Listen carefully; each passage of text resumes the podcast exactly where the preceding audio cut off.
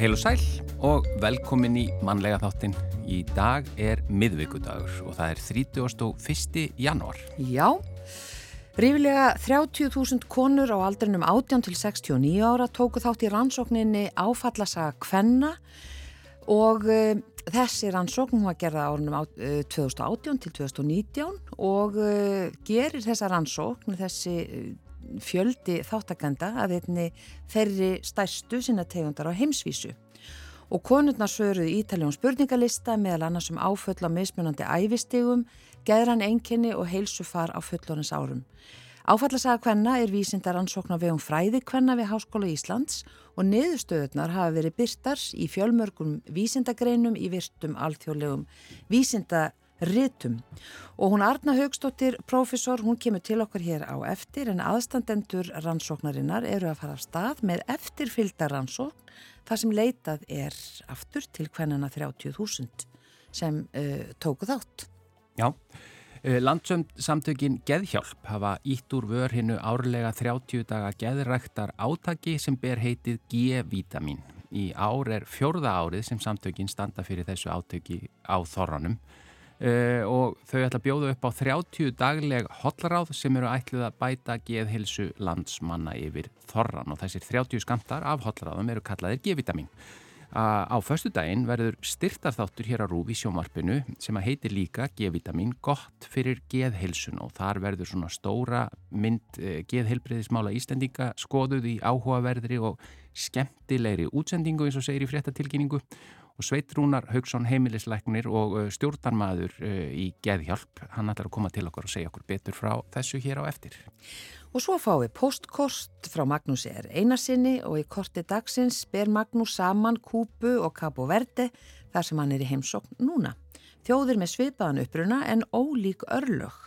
Hann segir frá sérkennilegum frönskum aðalsmanni sem settist að á einni eiginni seint á 19. öld og varð elskaður og dáður af fólkinu og af honum er komin mikill ættbógi. Og Magnús segir líka að fólki sem hann hefur kynst í borginni, prea, fyrrum embætismanni og lækni, þjóni og þúsundtjálasmiði, efnilegri söngkonu og hennar með spilurum. Já, og við byrjum á tónlist eins og alltaf þetta eru borgardætur og lægið heitir Brauðbúðar búgi.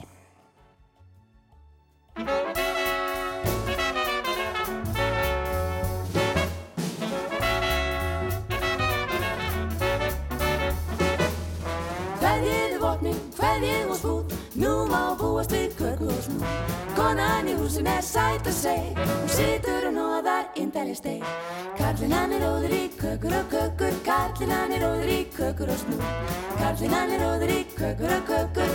Ef þú vil líka kökur og snú Lalli er lasin, lína er veik. Flensa sem spáð var er komin á kreik. Náði í læknir sem líkna fer. Og læknir það sem batnar hvort sem er. Elskan litla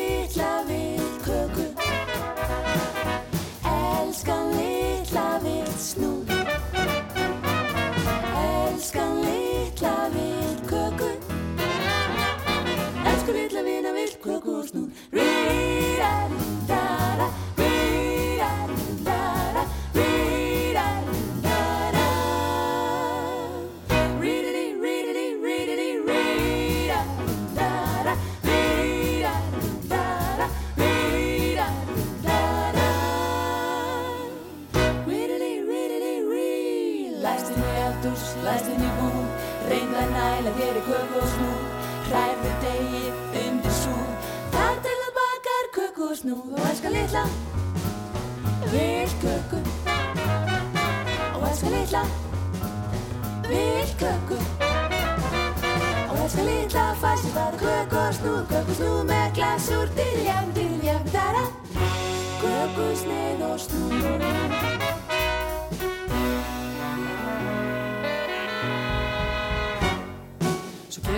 Vopnavaldi, það vekur úr lúð, það ætti frekar að nota það í kökur og snúð. Því fangel sem býður með fangabúð, þú varst að vera þarna upp á kökur og snúð.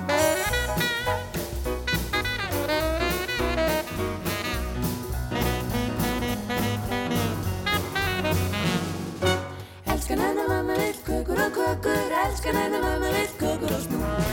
Elskan hennar mamma vill kökur og kökur, ripp,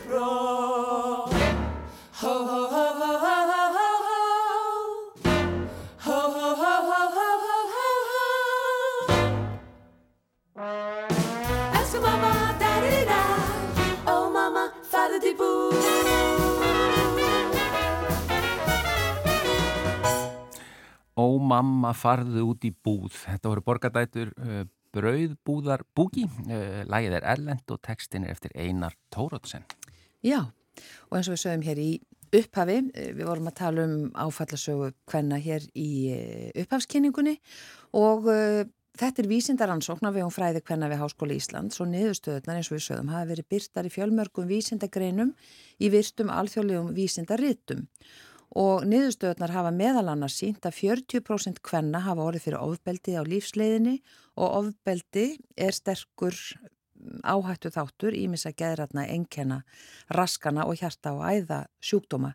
Eh, Arna Högstóttir, profesor í líðhelsu vísindum er sestirni hjá okkur. Velkomin. Takk fyrir.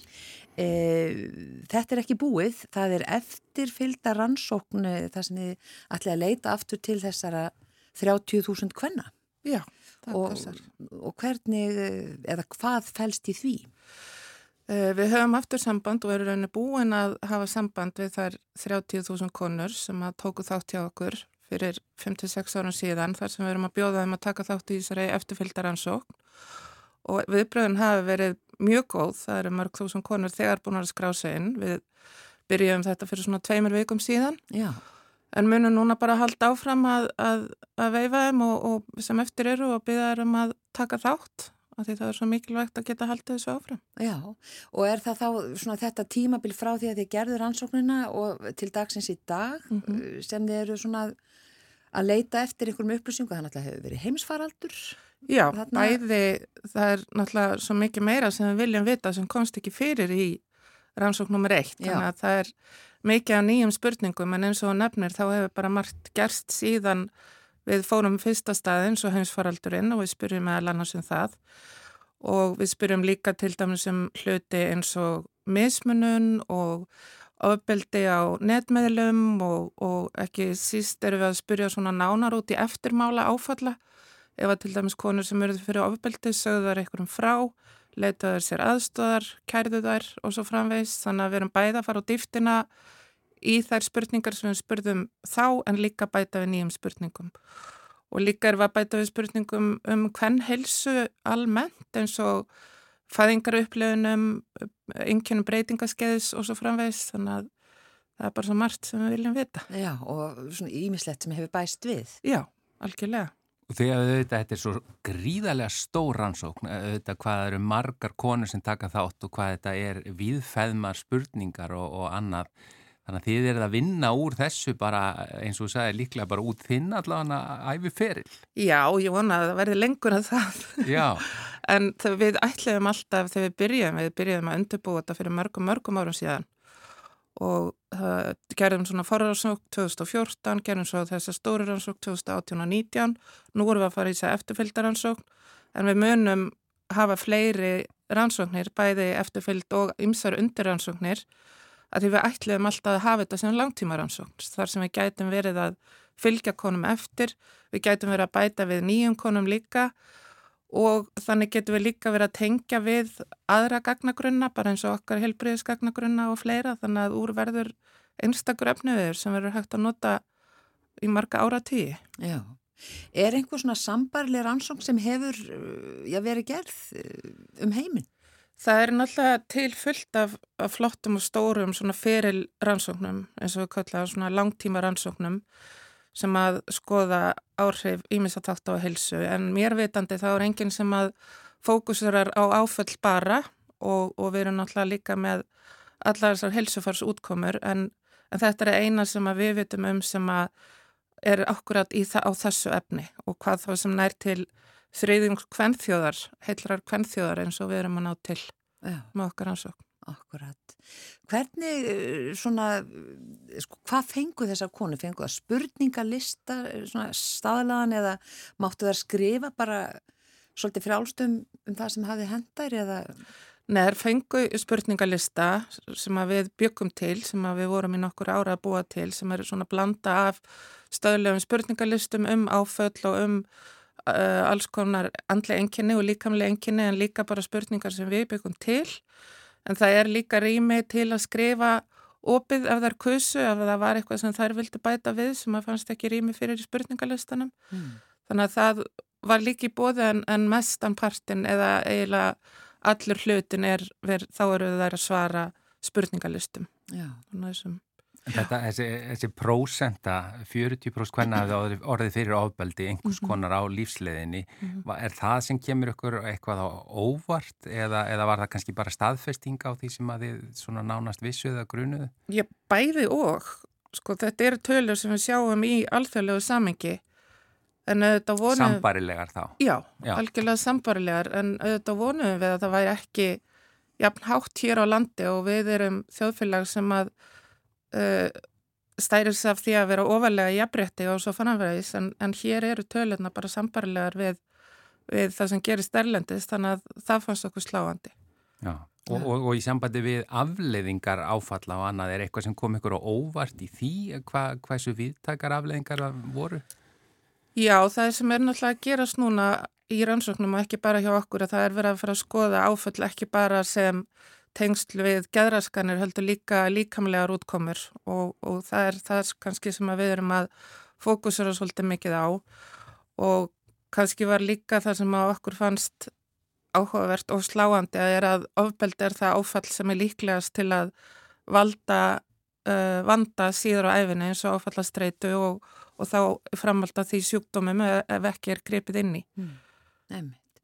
Og þetta er alveg sláandi niðurstöður og ég veit að við höfum svo sem farið yfir þetta áður en já, áfulli æsku tengjast minni þáttöku á vinnumarkaði á fullónasárum, e, tengjast aukinni hættu á hormónatengdum lindisröskunum, e, þar að segja fyrirtíðaröskun, fæðingarþunglindi, aukin hættu á fíknisjúkdómum, e, sjálfsónæmis sjúkdómar og listin er svo ótrúlega langur. Já, hann er það, því miður og Það eru henni skiptir ekki máli þegar við erum að skoða áhrif áfalla á helsufarsútkomur, hvaða útkomur við erum að skoða, það kom alltaf tengst. Mm.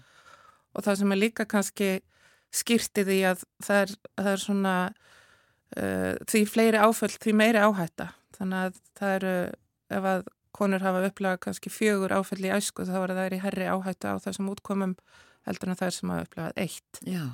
Og svo hafa áföllinu, áföllinu í æsku mismandi mikil áhrif og það sem okkur þótt, það sem okkur hefur þóttur áhugavert er að það áfall sem oft er sterkast úr æsku það er tilfinningarlega vannræksla og auðvitað er ofbeldi hefur, ofbeldi sem að bönnverða fyrir æsku hefur gríðalegar afleðingar en það er ekki síður þessi tilfinningarlega eins og við kallum vannræksla sem að hefur mjög sterk áhrif mm. Og það er kannski eitthvað þá sem ásist staði við langan tíma, það er ekki eitthvað eitt atvik, heldur er það kannski eitthvað sem hefur litað æsku. Já. En svo, svo eru áföll misstór, sum, sumar lenda kannski alveg hræðilegum hlutum á meðan aðri kannski minna en það geta, geta afleiðingarna verið samt sem áður svipaðar þrátt fyrir að þessi misstór áföll í rauninni svona innan gæsalappa.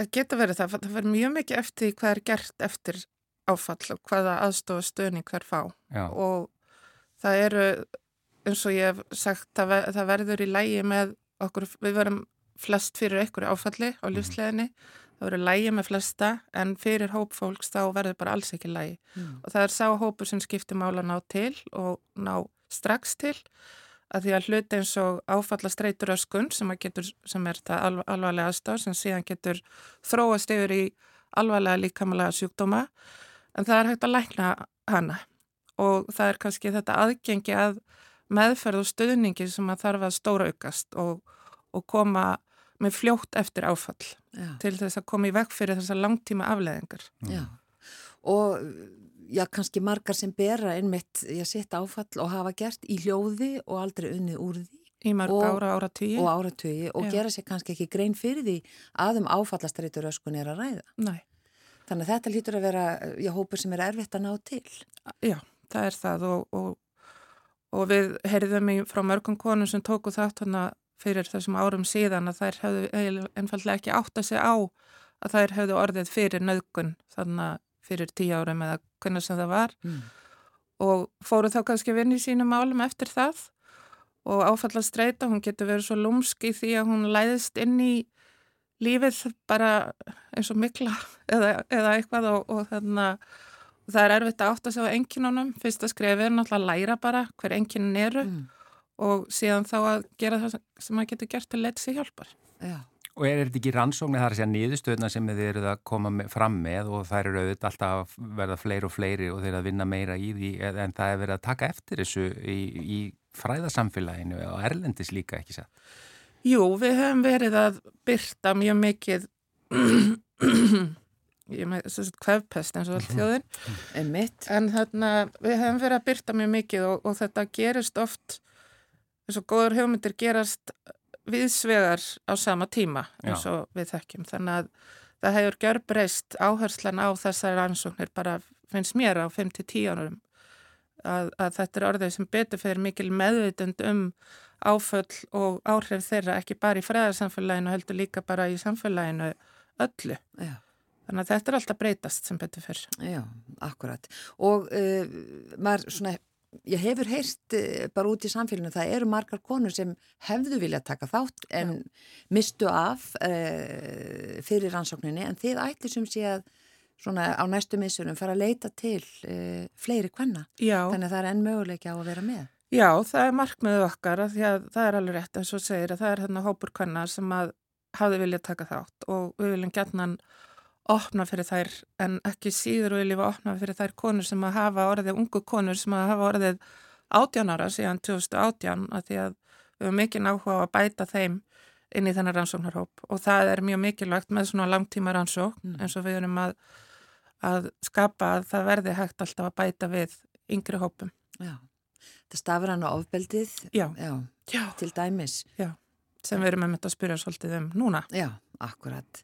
Eh, en bara kæra þakkir fyrir að koma í eh, þáttin okkar, manlega þáttin, Arna Högstóttir, profesor í líðheilsu vísundum og það er þessi, þessi stóra, stóra rannsókn áfallasaga Kvenna sem já. er bara ennþá í fullum gangi. Já, bara allar að taka þátt. Já. Og við fáum þig aftur, það þarf að fá þig reglulega, Já. það er alltaf að koma nýtt og nýtt Já, fram. Já, ég kem alltaf þegar þið býða mér. Já, takk einlega fyrir takk, komina.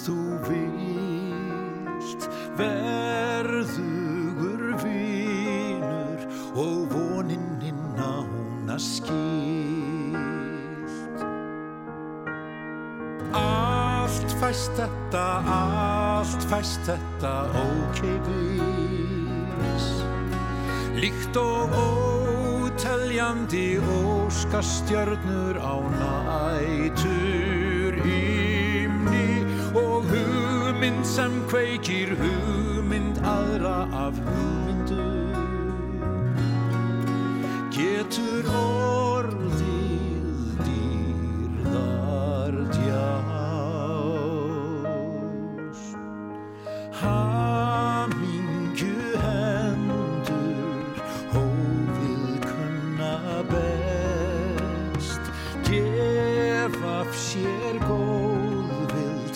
og gæsku sem þráum við flest. Samhugur samtak samstarf með því næst. Vogum þá vinnur og vissa um sigurinn fæst. Allt fæst þetta, allt fæst þetta ókeipis Líkt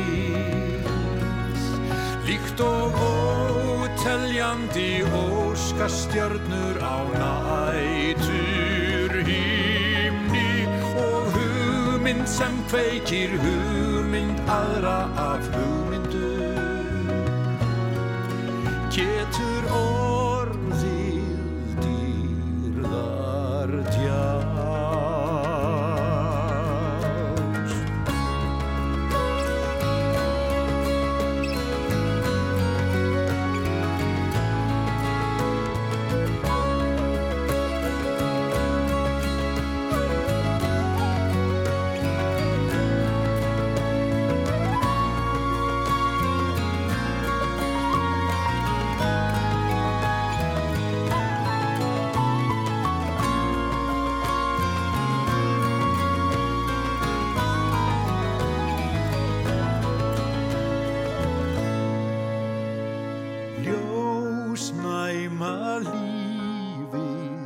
leikur ef þú vilt verðugur vinur og voninn í nána skýlt Allt fæst þetta, allt fæst þetta ókeipis Líkt og óteljandi óskastjörnur á nætur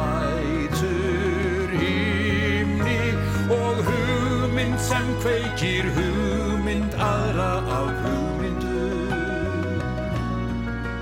getur orðið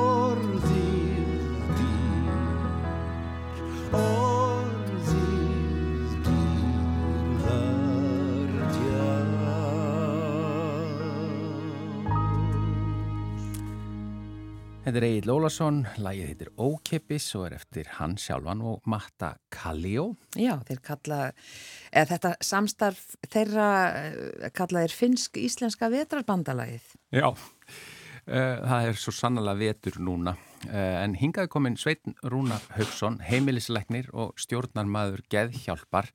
Því að núna á förstaskvöldið verður styrta þáttur hér á Rúf í sjónvarpinu sem kallast G-vitamin gott fyrir geðhilsuna.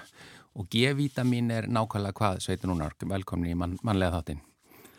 Já, G-vitamin er nú svona uh, hugmynd sem að kviknaði fyrir nokkrum árum. Að leggja áherslu á daglega geðrækt okkar allra. Og þá var fundið upp á þessu, ég mani til því einu sem var það jóladagatal Já, já. og það var eftir að opna eh, einhvern góðan eh, vísdóm á, á hverjum eh, degi. Einhverja leiðbeiningu út í lífið. Já, og nú er þetta á þorranum. Og nú er verið að tala um, um það er í bóði ilmdrópar sem að maður getur svona borið á, á úliðin og, og, og, og, og fundið fyrir þessum ilmi til að minna sig á að vera nú góður og þægur og, og það áveli við í dag að ég, konum saði mér að það, að maður ætti að sopna sáttur. Já, við hefum nú góð og fallegu máltæki um þetta já, en aðalatriðin semst þetta að, að Gunnar mun eftir að byggja konuna fyrirgefningar áður hún ferð að sofa. Já, já, já, og þá sefur við betur. já, það hljóma rétt. Já, Já, já, og það er, það er, þetta er bara eitt, það, svo er eitt. þetta er eitt af G-vitamínunum.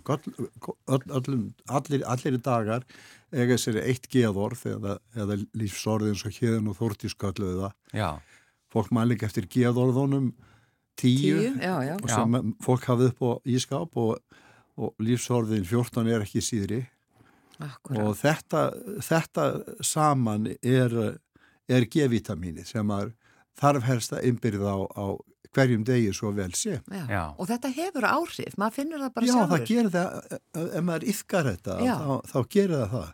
Það gerir það. Þetta er sem sagt Híðin Unsteinsson og Þórdís Rúnarsdóttir sem að þú varst Já, að vitna í þarna. já, einmitt. Já, að margir hafa einmitt verið að nýta sér þessi geðorð og lífsorð og, og þessi þáttu núna á föstudaginn sem er styrtarþáttur Já. fyrir geðhjálp. Já, Eh, Þa, þar verður áherslan á þetta, á G-vítamínið. já, í rauninni, í rauninni erum við líka kannski bara að, að kynna okkar baráttu, okkar málstað geðhjálpar sem hef, hefur ju lengi verið uh, baráttu gegn fordómum og þar með fræðsla sem er stór þáttur í starfinu hjá okkur.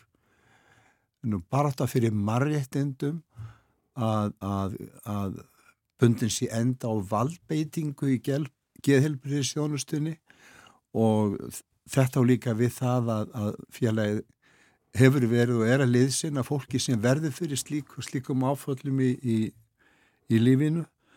Og uh,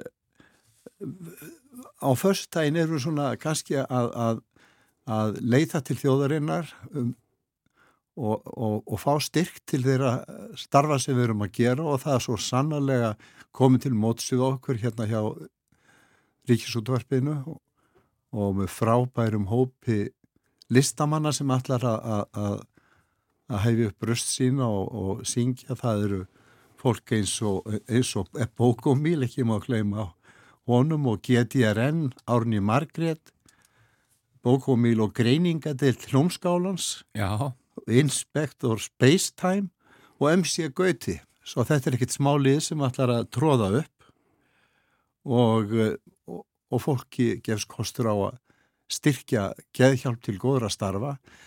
Það sem við höfum verið að gera eh, sko, er núna á síðari árum að þá hefur geðhjálp þróast mikið. Geðhjálp var hvað stopna 1979 mm. en, en kannski fyrst og finnst af, af aðstandendum sem að sem að vildu bæta hag og, og aðstæður þeirra sem áttu við geðraskænir að stríða. Þetta hefur með árunum þróast meira í að verða svo kvöldu notendasamtök. Það er að segja okkar sem að höfum átt við geðraskænir að stríða og höfum þurft að leita inn á geðdildir og annað. Félagið er einhver síður líka fyrir, ekki síður fyrir aðstandendur og fyrir aðra sem vilja verjast fyrir betri geðhelburir þjónustu. Þetta er, þetta er félagið okkar og, og, og núna síðari árum höfum við komið á lakirnar eh, sjóði til að styðja aðra aðila út í bæ. Það er náttúrulega margir að vinna gott starf á þessu sviði. Ég nefndi að fræðslan og gegn fordómum og, og barna fyrir marréttindum þá má ekki gleyma síðan bara baratunum gegn einangrun, þessari félagslegu einangrun.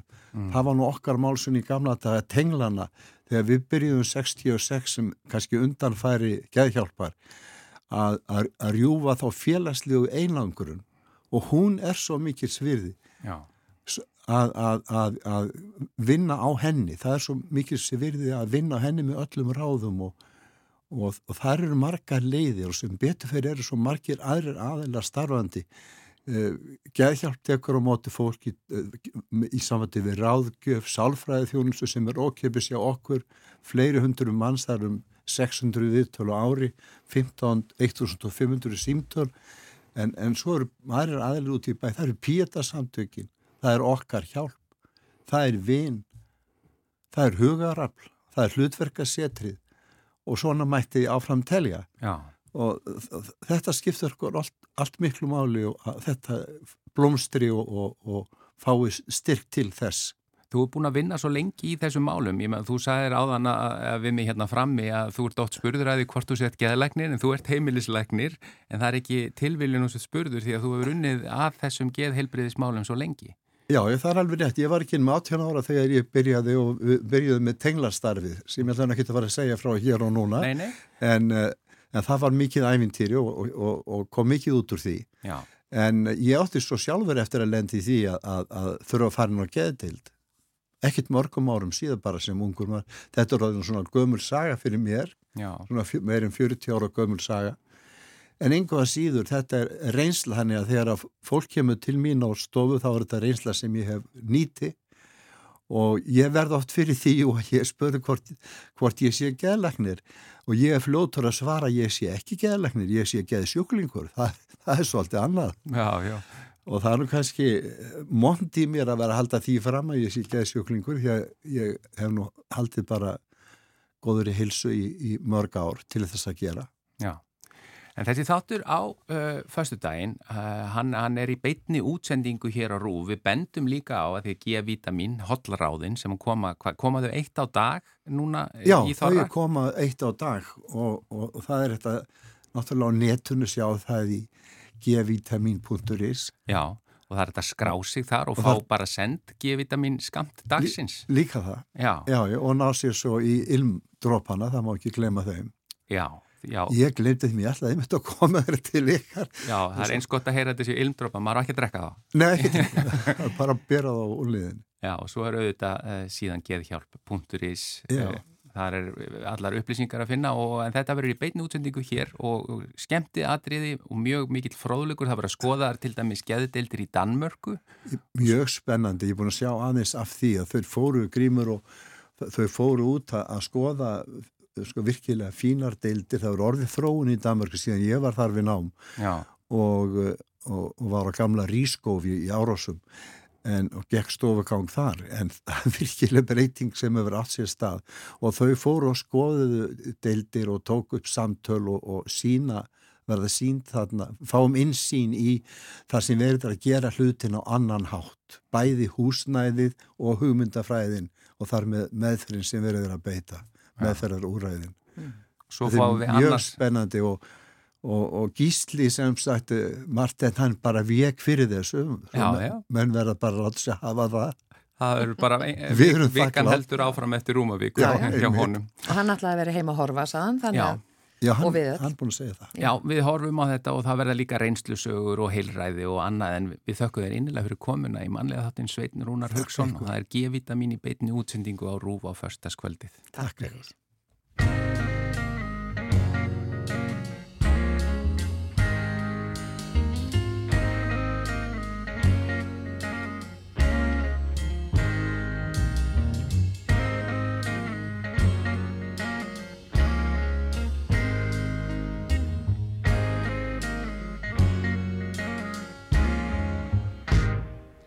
Once I had myself a good woman,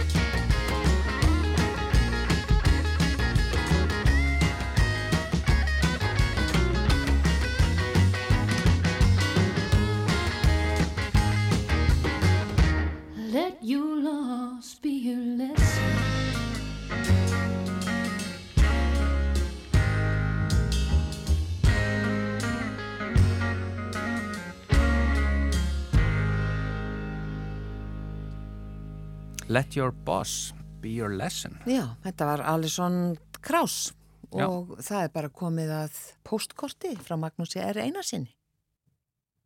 Heil og sæl.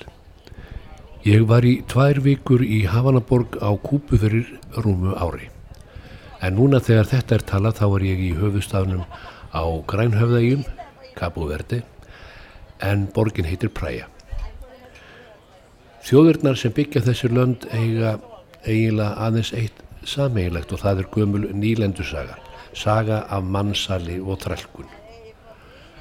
Cabo Verde var fyrsta nýlenda Evrópuríkis, það voru hinnir miklu sæfarendur og syklingafræningar Portugalir sem fundu eigarnar árið 1456 en stopnuði ekki til fastrar viðveru þar fyrir nokkrum árum síðan.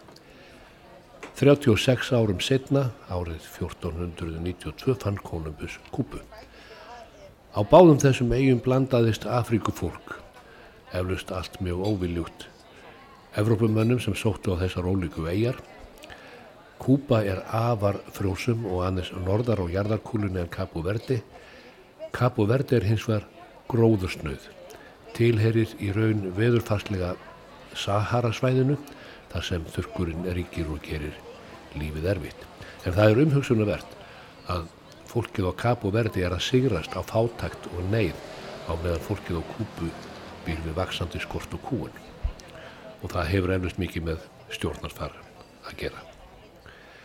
En bæði á Kúpu og Kapu Verdi býr myndalegt fólk, fallegt í útliti og limaburði Þar er ekki týðkað þúpna göngulægið. Á meirinn 500 árum hefur orðið meiri kinnblöndu kinnþátt á Kúpu en hér á Kapu Verdi.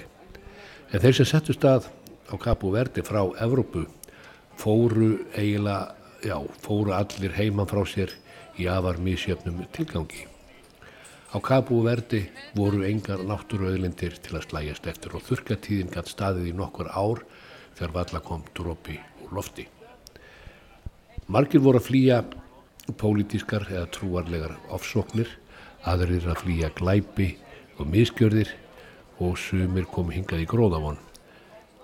Hér var arbær þrælaverslun og umskipun í um það bíl 300 ár. En Portugalir hirtu ekki vel um þessa fyrstu nýlendu sína og eiginlega ekki neitt eftir að þrælasölu var hættu miðja 19. öld. Öll svo saga er mjög daburleg og Portugalum ekki til mikils sóma. Þá varð hér mikil fátækt en verstur var matar og lífjaskorturinn. Fólk fjell þúsundum saman í hungusneiðum og farsóttum sem herjuðu oft en óreglulega á eigarnar. En í þessum hörmungum öllum er eitt sérkennilegt en fallegt ljós. Árið 1872 kom til Kapu Verdi franskur aristokrat þá 28 ára aldri á leið til Brasilíu. Það er ekki alveg vitað hvers vegna hann ætlaði svo langt að heiman. Það er ímsað getgátur um að hann hafi flúið einhvers konar skandal heima fyrir. En hann náði ekki til Brasilíu því hann heitlaðist og varð hugfangin af eigunum. Hann ferðaðist á milla eiga en fann sér svo samastað á eiginu Fogo en þangaði er fjögur tíma sykling með ferju í vestur af Santiago og eigar fókum myndi kallast Eldey hjá okkur. Aðalsmaðurinn hétt Armand de Montrond, ættaður frá Grenoble. Hann skartaði greifatilli og doktorsprófi í læknislist. Og hann sló algjörlega í gegn hjá heimamönnum. Þeir heldu margir til að byrja með að hann var í göldróttur fyrir hann gætt læknað fólk sem annars hefði dáið. Hann kom með vínvið og kaffiplöndur því hann var ekki bara læknir, hann var náttúrufræningur og verkfræningur. Hann framleindi gæða vín og kaffið frá fókotíkir í sérflokki. Þessi framleysla skapaði vinnu og hann gaf mönnum plöntur til ræktunar. Besta landið fyrir kaffi og vín er upp í risastórum gík í 1500 metra hæð yfir sjávarmáli á eiginni. Hann kom líka með plöntur sem hann ræktaði í lækningaskinni því hann var einnig lífjafræðingur. Armand Greifi hannaði og lagði vegi, vitt og breytt um eiguna og allt þetta afkastaði hann á skömmum tíma því hann varð aðeins 56 ára. Hann lést árið 1900 eftir að hann fjalla baki á hesti sínum. Eigaskeggjar elskuðu þennan mann og gera enn. Honum er mikil virðing og sómi síndur á fókó. Og af honum er komin mikil ættbógi. Konurnar á eldei elskuðu Armand Greifa og hann eignaðist að minnst okkosti 12 börn með þeim og átti að sögn átjón barnabörn þegar hann lést. Núna skipta afkomendur hans fleiri hundruðum og ættanafnin Montrond er eitt það algengasta á eiginu Fóko.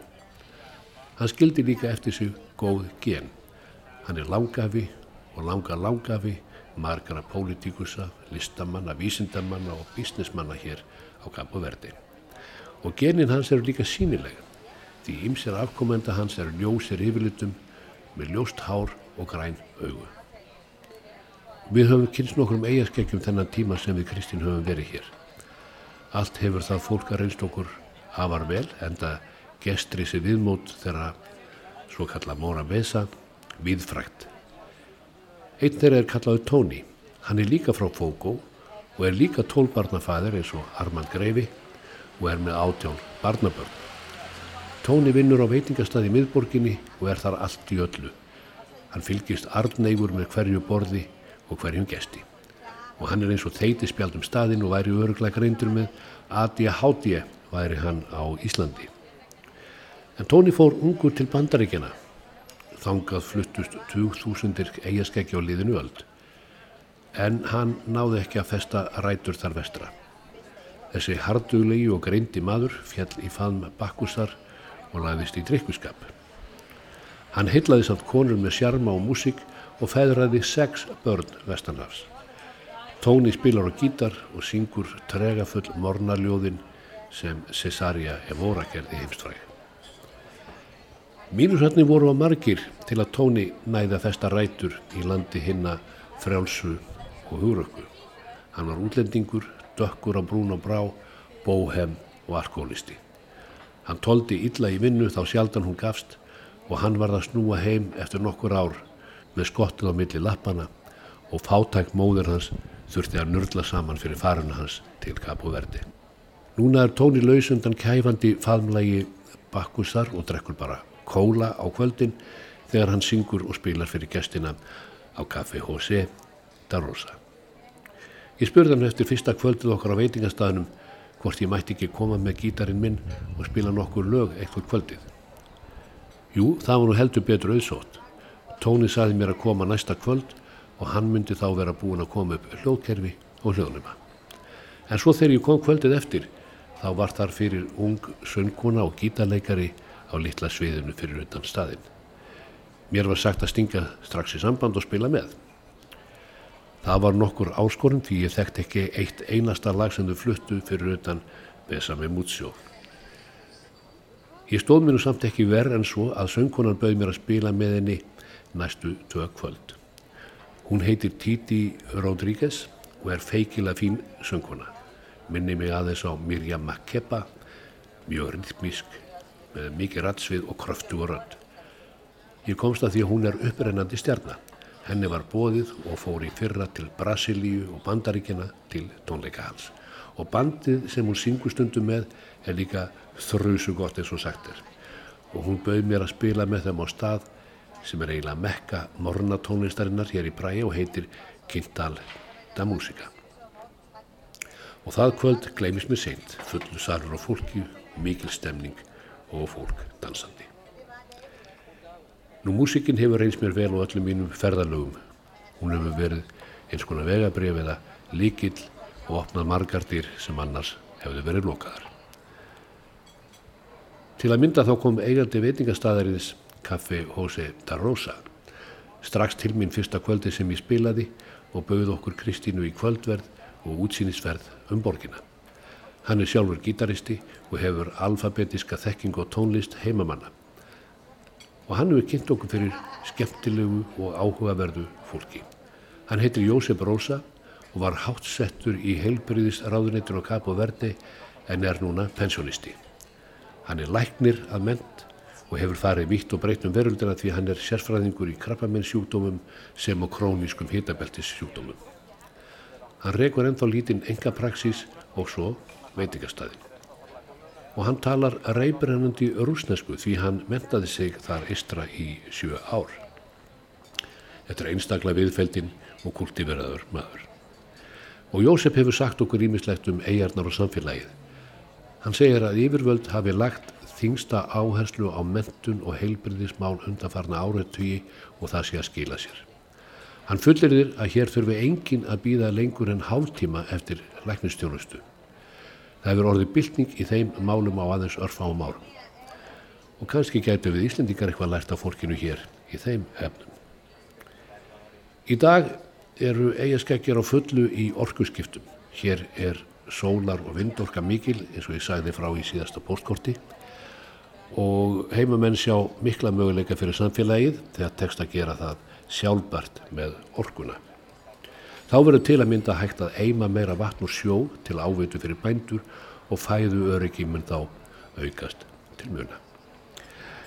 En í dag er það fótbóltalandsliði sem á hug þeirra alla og er að gera það gott á Afrikumótunu á Fílabennströndinni.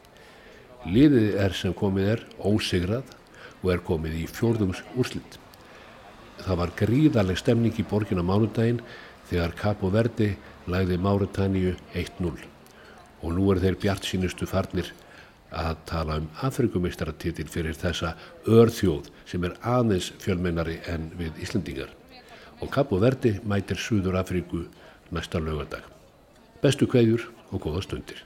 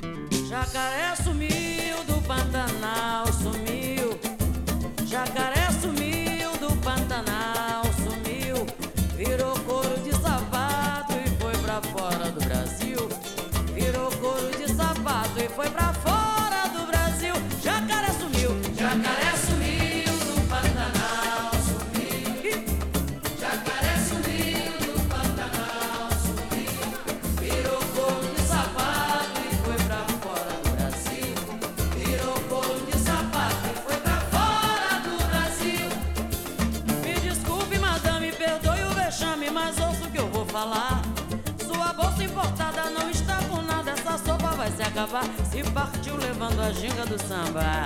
É Muamba. Uma nega que vem lá de Luanda. É Mucama. Partideiro que versa comigo e não fica indeciso.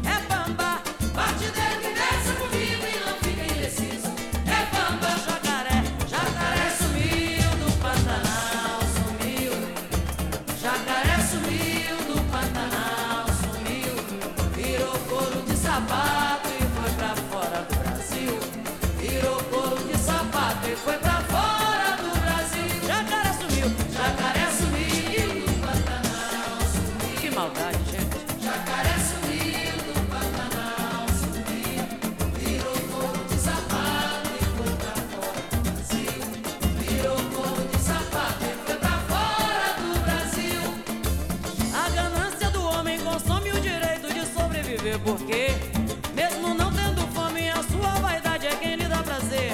Quem comeu, bebeu, não pode pagar. Na igreja, quem pretende casar.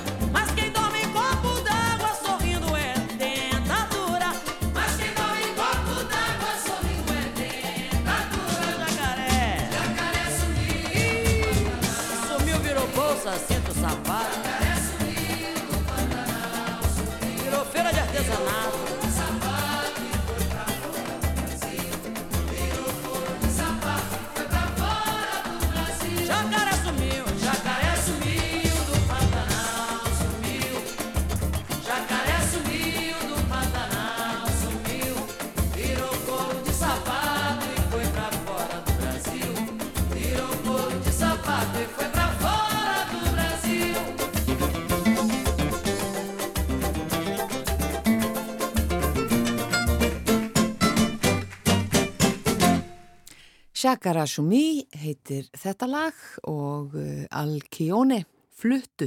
Já, uh, þetta var bara uh, átti mjög vel við eftir pistil eða postkort Magnúsar R. Einarssonar frá Grænhöfðægjum Já, sem hann talaði einmitt um tólist. Hann auðvitað tekur bara upp gítar eða mandólin hvar sem hann er í heiminum Já. og spilar. hugsa sér hvað þetta er skemmtilegt. Já, En mannlega þættunum er lokið, við þökkum samfélgina og uh, bara segjum bara gangi ykkur vel með allt í dag. Verið þið sæl. Verið þið sæl.